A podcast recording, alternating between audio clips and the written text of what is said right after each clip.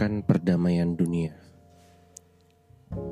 Seperti kekerasan-kekerasan yang ada di Myanmar yang menimpa etnis Rohingya, kemudian kekerasan-kekerasan rezim Zionis di Israel terhadap penduduk Palestina, kemudian gerakan-gerakan berbau ideologi yang ada di Timur Tengah yang mungkin dari dulu sampai sekarang tidak ada perubahan yang mengarah ke lebih positif seperti itu. Jadi carut marut politik Timur Tengah seperti sudah diset. Kalau orang yang suka dengan teori konspirasi mungkin percaya kalau Timur Tengah sudah dijadikan sebagai ladang untuk ngetes senjata baru gitu oleh negara Barat.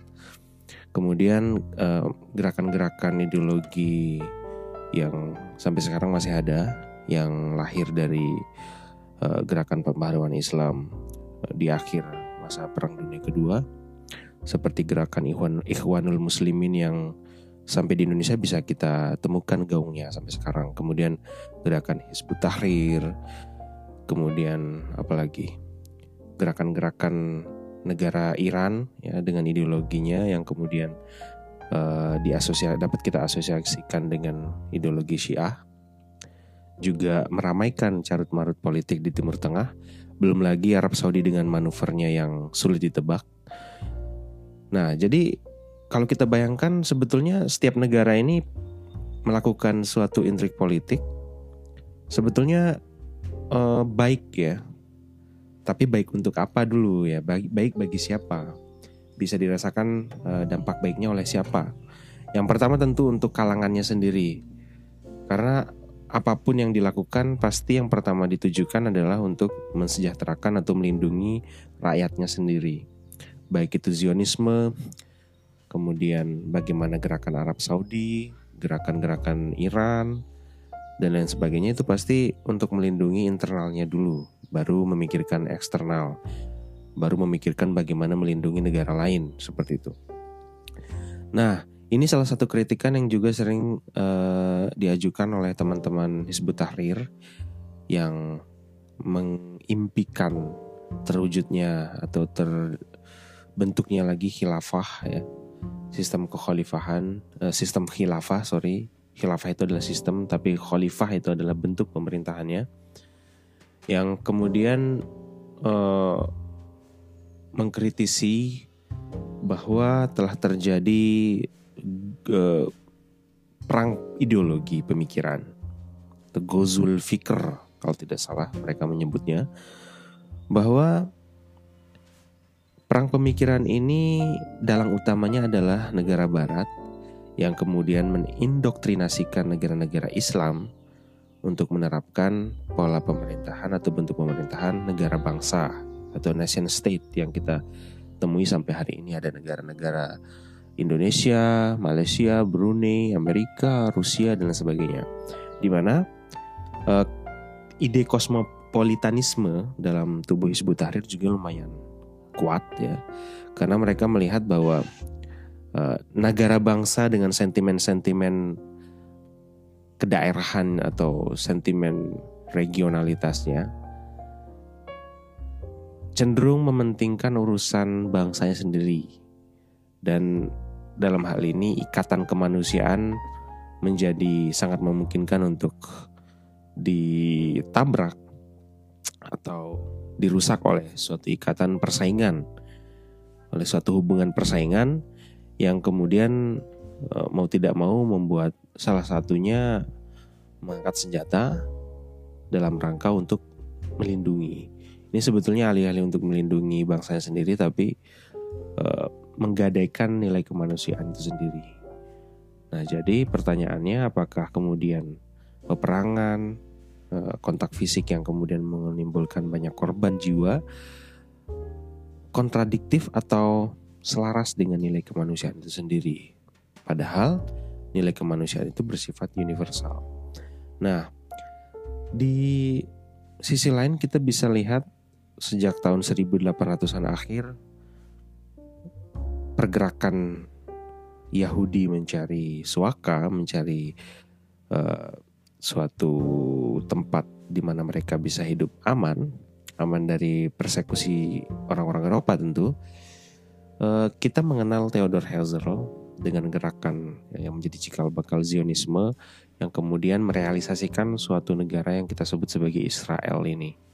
Nah di situ kemudian uh, kita bertanya lagi apa sih sebetulnya yang ingin dicapai, ingin dituju oleh manusia? Padahal apa sulitnya berbagi lahan? Padahal bumi kita ini sempit. Apa sulitnya kita berbagi, kemudian mengelola kehidupan bersama, kehidupan manusia, kehidupan kolektif dengan mengedepankan misalnya pengelolaan yang sukarela seperti yang diidamkan oleh uh, kaum anarko ya, kaum anarkis yang cenderung dan bahkan tendensius menolak kehadiran negara dan menghendaki pengelolaan masyarakat secara sukarela. Nah, lagi-lagi kita menyebutnya sebagai utopia. Nah, itu beberapa contoh bagaimana sebetulnya nilai kemanusiaan itu menjadi sangat krusial dan menjadi semakin penting untuk dibahas ketika kita sudah hidup dalam konteks negara bangsa atau negara-negara yang banyak di mana kemungkinan untuk saling bergesek sangat besar seperti yang terjadi belakangan ini antara Rusia dengan Ukraina. Oleh sebab itu, di episode ini saya ingin melanjutkan pembahasan pemikiran Immanuel Kant. Tapi ada yang menarik di sini, kita tidak membahas tentang pemikiran sistematika filsafat Immanuel Kant. Seperti sebelumnya, kita sudah dua episode membahas tentang uh, epistemologi Immanuel Kant. Di episode ini, uh, yang akan kita bahas adalah tentang pemikiran Kant berkaitan dengan kehidupan antar bangsa dalam rangka mencapai suatu perdamaian. Kita merujuk pada karya Immanuel Kant yang berjudul To a Vegan Freedom atau Menuju Perdamaian Abadi yang penting untuk kita hadirkan di mana ternyata Immanuel Kant juga sangat relate untuk kita aktualisasikan pemikirannya dalam konteks kehidupan uh, negara bangsa dalam rangka untuk mencapai perdamaian dunia seperti yang juga relate dengan pembukaan Undang-Undang Dasar 1945 uh, eh, Indonesia ya. Pada bab pertama kan menulis pasal-pasal pendahuluan untuk perdamaian abadi antar negara. Pasal pertama, tidak boleh ada perjanjian perdamaian yang dianggap sah jika di dalamnya terkandung maksud tersembunyi untuk mempersiapkan perang di masa depan atau kita lihat uh, ada banyak perjanjian antar bangsa yang sudah uh, terjadi sampai hari ini. Tapi jika di dalamnya yang dimaksud di dalamnya ini uh, tidak bukan adalah orang-orang yang terlibat pada perjanjian itu memiliki niat untuk melanjutkan perang, maka itu sebetulnya bukan suatu jalan menuju perdamaian abadi. Dan kalau kita lihat setiap perjanjian itu ada uh, kondisi tertentu yang kemudian bisa uh, menjadikan perjanjian menjadi batal. Misalnya kondisi-kondisi yang melanggar gencatan senjata misalnya dan lain sebagainya. Nah, itu sebetulnya bukan suatu perjanjian menuju perdamaian abadi itu hanya bersifat seperti obat analgesik seperti paracetamol yang tidak mengobati penyakit kita tetapi menunda sehingga kita merasakan rasa sakitnya hilang. Tapi sebetulnya kita tidak sembuh. Jadi hampir dalam kondisi yang ekstrim mirip dengan placebo. Obat-obat obat-obat bohongan yang tidak punya khasiat tapi dengan sugesti kita yang mengkonsumsinya seolah-olah obat itu memiliki khasiat yang menyembuhkan. Argumentasi dari pasal pertama ini, jika ada perjanjian perdamaian yang di dalamnya terdapat intrik atau terdapat rencana tersembunyi untuk menyiapkan perang, maka perjanjian itu tidak lain adalah gencatan senjata sementara.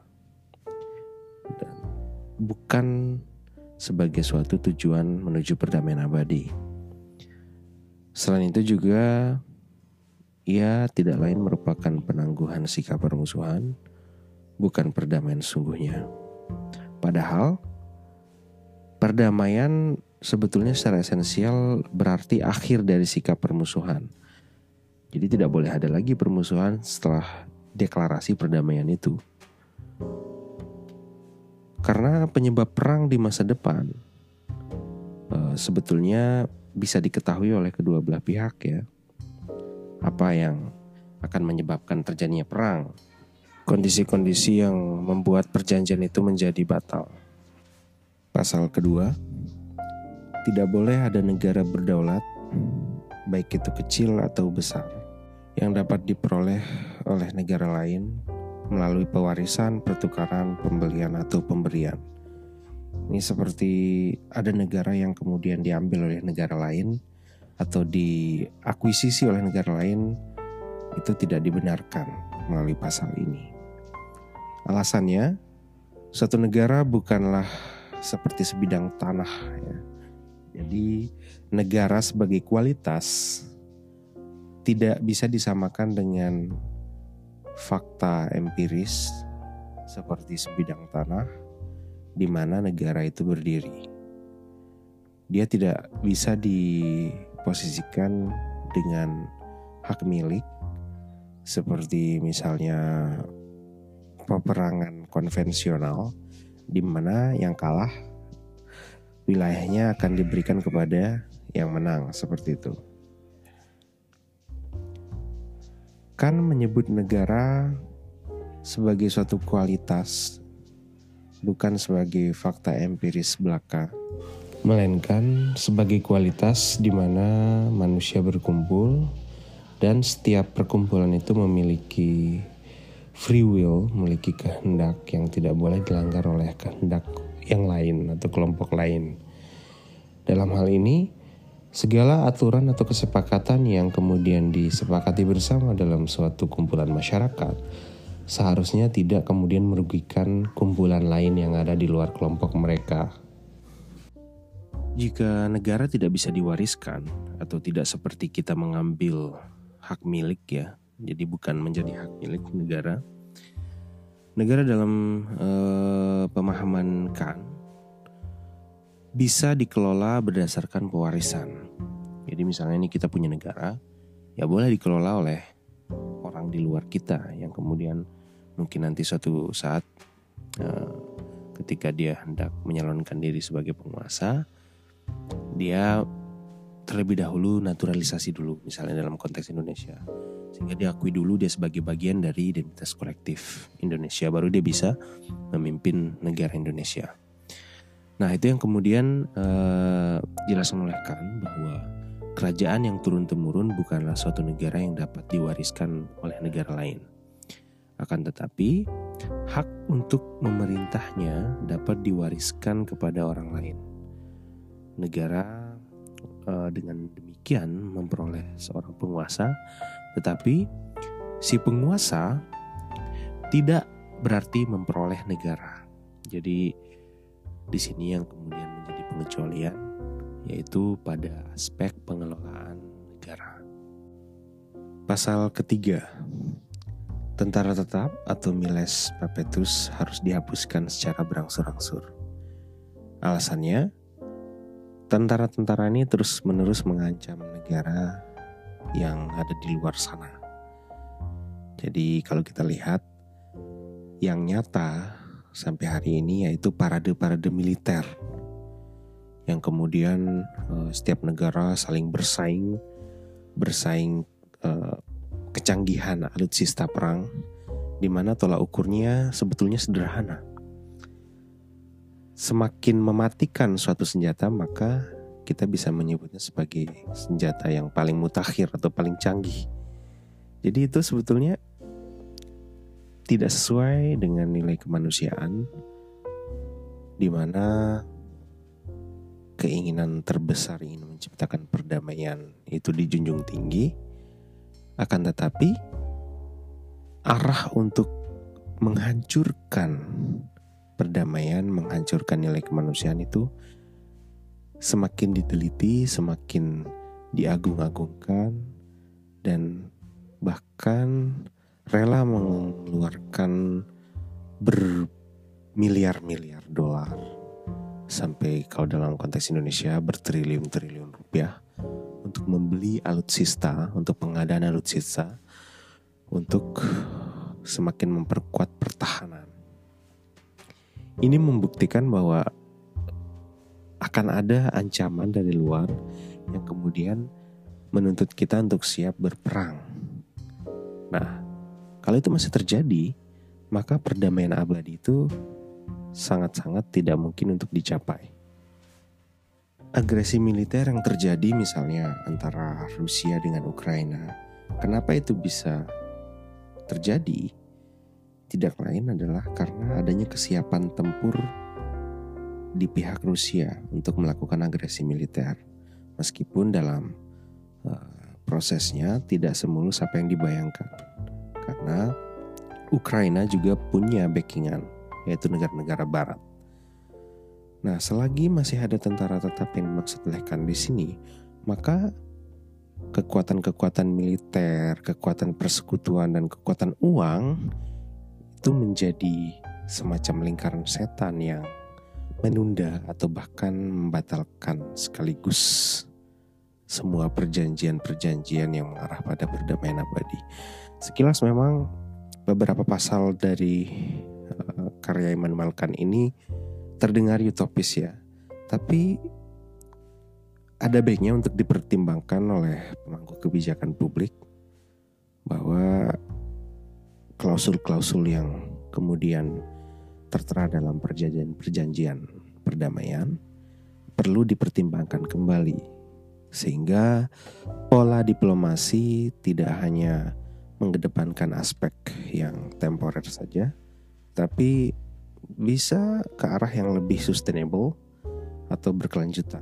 Misalnya perdamaian yang bisa dipatok dalam waktu yang lama jika memang tidak mungkin untuk mencapai suatu perdamaian abadi.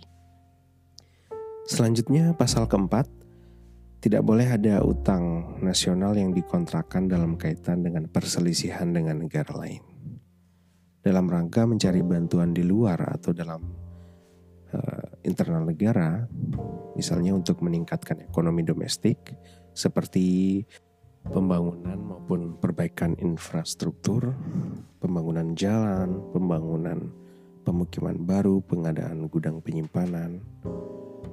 Semua sumber bantuan tersebut jika masih berupa utang tidak perlu dilakukan. Karena negara A membantu negara B itu tidak dengan satu dorongan bukan kesadaran moral yang membuat mereka membantu, melainkan atas dasar pertimbangan utang piutang. Semisal sekarang uh, ada negara yang sedang berperang, di mana negara yang sedang berperang ini uh, secara hitam di atas putih atau secara angka secara angka statistik akan mengalami kekalahan perang, padahal negara tersebut menjadi penghasil gandum terbesar di dunia misalnya. Maka negara-negara lain akan potensial untuk membantu negara itu karena melihat ada gandum yang berlimpah di sana. Jika dia dibantu dan negara itu bisa survive, maka negara yang dibantu itu harus memberikan gandumnya kepada negara yang membantu. Tentu dalam konteks negara modern, tidak dengan diberikan secara percuma ya, tapi mungkin nanti akan ada perjanjian dagang di mana mereka membeli gandum, lalu negara yang penghasil gandum tersebut membeli hal yang tidak ada di negaranya. Nah, hal semacam ini yang kemudian merawat uh, rasa pamrih antar negara di mana saling bantu antar negara tidak didorong oleh suatu dorongan moral. Karena kalau kita lihat Immanuel Kant sangat erat kaitan dengan imperatif kategori satu deontologi moral eh, moral kewajiban itu selanjutnya pasal kelima tidak boleh ada negara secara paksa mencampuri konstitusi dan pemerintahan negara lain karena apa yang bisa membuatnya berhak melakukan hal itu tidak lain adalah suatu bentuk paksaan yang tidak dikehendaki oleh negara yang dicampuri. salah satu penyebab mengapa ada negara yang kemudian berupaya untuk mencampuri urusan negara lain, yaitu karena adanya kecurigaan, misalnya perkembangan ideologi yang mengancam negaranya, yang berkembang di negara tetangga, misalnya seperti yang terjadi eh, pada pola peperangan antara Ukraina dengan Rusia. Rusia menilai uh, adanya intrik politik Barat, sekutu-sekutu Amerika, yang kemudian hendak menjadikan Ukraina sebagai negara yang uh, bersekutu dengan mereka. Kalau ini dibiarkan, maka akan menimbulkan ketidakstabilan keamanan di negara Rusia. Karena bisa dibayangkan, Ukraina adalah negara tetangga yang kemudian jika negara tetangga itu jatuh ke tangan sekutu, di mana sekutu ini Amerika dan kawan-kawan, maka bisa jadi kedikdayaan Rusia atau power Rusia akan kemudian tergerus akibat dari tetangganya yang masuk ke dalam blok musuh. Pasal 6 Tidak boleh ada negara yang sedang berperang dengan negara lain mengizinkan sikap-sikap permusuhan yang akan menutup kemungkinan munculnya rasa saling percaya di masa perdamaian. Semisal, cara berperangnya kurang cantik, menggunakan misalnya spionase atau mungkin pembunuh bayaran, di mana cara-cara itu pada dasarnya merupakan strategi yang tidak terhormat. Sedikit kepercayaan terhadap karakter musuh harus tetap dijaga, bahkan di tengah perperangan. Karena jika tidak, tidak akan bisa dilakukan perjanjian perdamaian, karena akan terjadi saling mencurigai. Karena kalau sedang berperang ya totallah dalam berperang. Tidak perlu ada semisal uh, menaruh kepercayaan kepada musuh yang diperangi.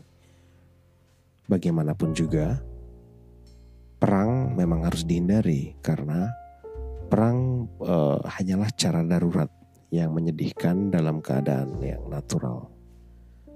Di mana di sini tidak ada pengadilan yang dapat memutuskan dengan kekuatan hukum, di mana tiap negara menyatakan haknya melalui kekerasan, dan tidak satupun dari kedua pihak dapat dinyatakan sebagai musuh yang bersalah. Karena sebetulnya pengadilan perang sangat-sangat tendensius, sangat-sangat penuh dengan intrik. Ada berbagai macam konflik of interest di dalam peradilan itu. Di mana kita tidak bisa kemudian menyalahkan suatu negara sebagai pure penjahat dalam perang dan negara lain sebagai pahlawannya. Karena sejatinya peperangan itu adalah kotor dan siapa yang terlibat di dalamnya adalah orang-orang yang bisa dibilang tercebur dalam kubangan yang kotor itu. Itulah beberapa pasal yang bisa kita ambil dari pemikiran Kan tentang menuju perdamaian abadi. Kiranya bagi pendengar di sini yang fokus pada kebijakan publik, mungkin bisa menjadikan beberapa pasal tadi sebagai bahan renungan yang kemudian menyadarkan bahwa aspek teoretis pada diri seorang politikus itu sangat penting di samping juga ada aspek praktisnya.